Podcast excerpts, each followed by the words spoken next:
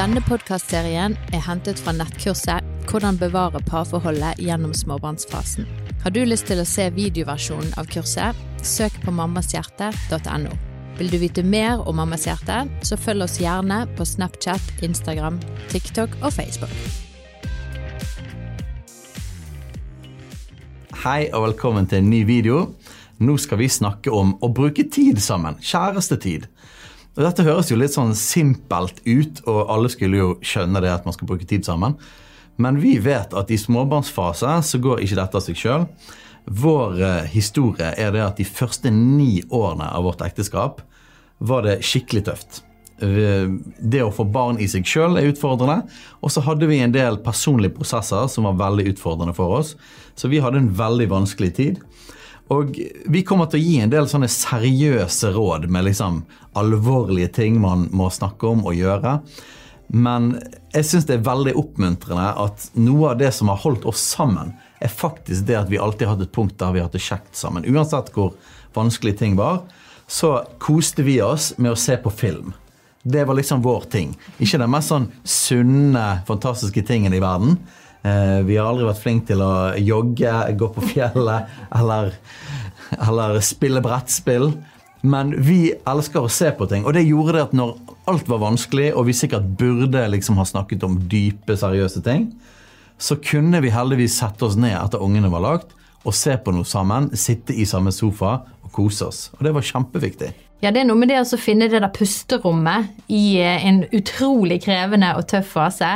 Eh, og ikke alltid hoppe inn i materie av det tøffe og det vanskelige du må jobbe med. Nå skal du Bare det med husarbeid, eller bare det å jobbe med relasjon, eller bare det å eh, eh, snakke om oppdragelse, eller hele tiden forbedre seg sjøl, eller innhente noe informasjon, eller alt man skal gjøre. Man skal og man burde gjøre.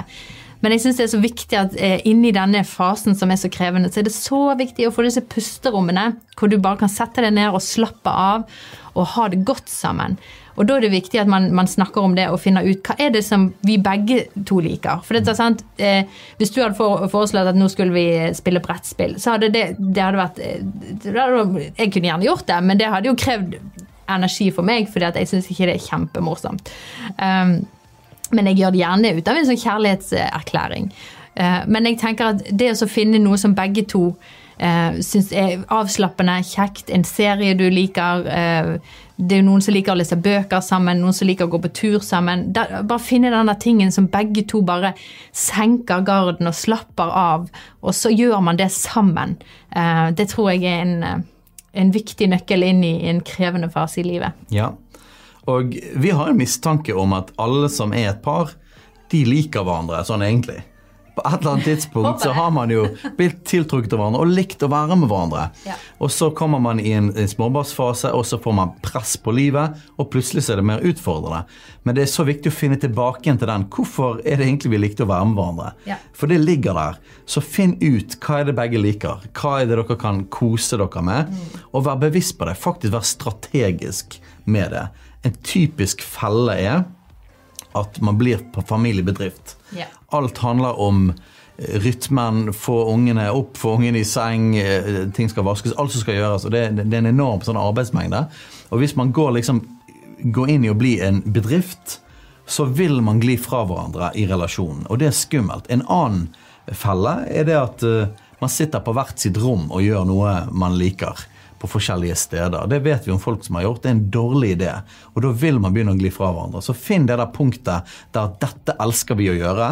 Og tenk at dette er faktisk en investering i relasjonen. Det er faktisk en investering i familien. Ja. Og en ting man skal eh, prioritere høyt. Og da eh, vil jeg foreslått, og en ting vi har vært bevisste over Nå har ikke vi det kun én gang i uken, for vi, eh, vi koser oss oftere enn det og sitter og slapper av. Men, men i hvert fall én gang i uken. Lag en sånn, en sånn date night hvor dere finner ut og gjør det som dere syns er koselig. Og gjerne innhenter litt hjelp og litt eh, backing fra besteforeldre som kan komme og sitte barnevakt, så dere kan gå ut. Eller eh, morfar kommer og triller på babyen som griner og griner, ikke får sove om kvelden. Sånn at dere får sittet dere ned og faktisk pustet i, tatt en pust i bakken. Um, Så, så minimum én gang i uken, bare finne en sånn ting som, som dere kan gjøre sammen, um, tror jeg er veldig kjekt og veldig viktig. Dette handler igjen om vedlikehold og investere inn. Og det er jo egentlig, det burde være enkelt å gjøre mer av noe som man syns er gøy. Ja. Men tenk at dette faktisk er en investering. Og du har jo en sånn fin setning. It takes the village. Yes. Og, og, her òg er en ting som jeg eh, aner litt i, i eh, samfunnslandskapet, er at vi, vi, skal være veldig flinke til å klare alt sjøl. Vi skal mestre jobbene våre, vi skal karrierene våre, familiene våre, økonomien vår, eh, relasjonene våre. Vi skal klare det sjøl. Vi skal google oss til det, vi skal bli flinke. Vi tar oss og, og, jeg tror vi er utrolig flinke i Norge. Vi er veldig, veldig flinke. Men jeg savner noe som vi var veldig flinke på før, gjerne på 70-60-tallet. At vi bodde sammen som storfamilier, og vi tok nytte av det som de andre generasjonene hadde. De har tid, f.eks. Noe som i en småbarnsfase vi ikke har mye ut av. Generasjonen etter oss og våre foreldre de har mye tid. Eh, de har gjerne mer ressurser sånn økonomisk sett, så man kan innhente litt hjelp og støtte fra de, og ikke tenke at jeg skal, jeg skal klare alt sjøl fra sjuårsalderen, så er det ingen som skal få hjelpe meg, for jeg skal gå denne veien opp sjøl.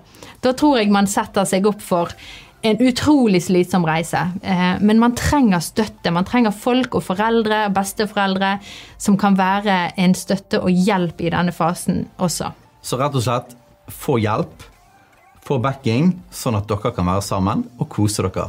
Viktig investering inn i parforholdet. I neste video så skal vi snakke om dette med at følelsene følger viljen og ikke omvendt.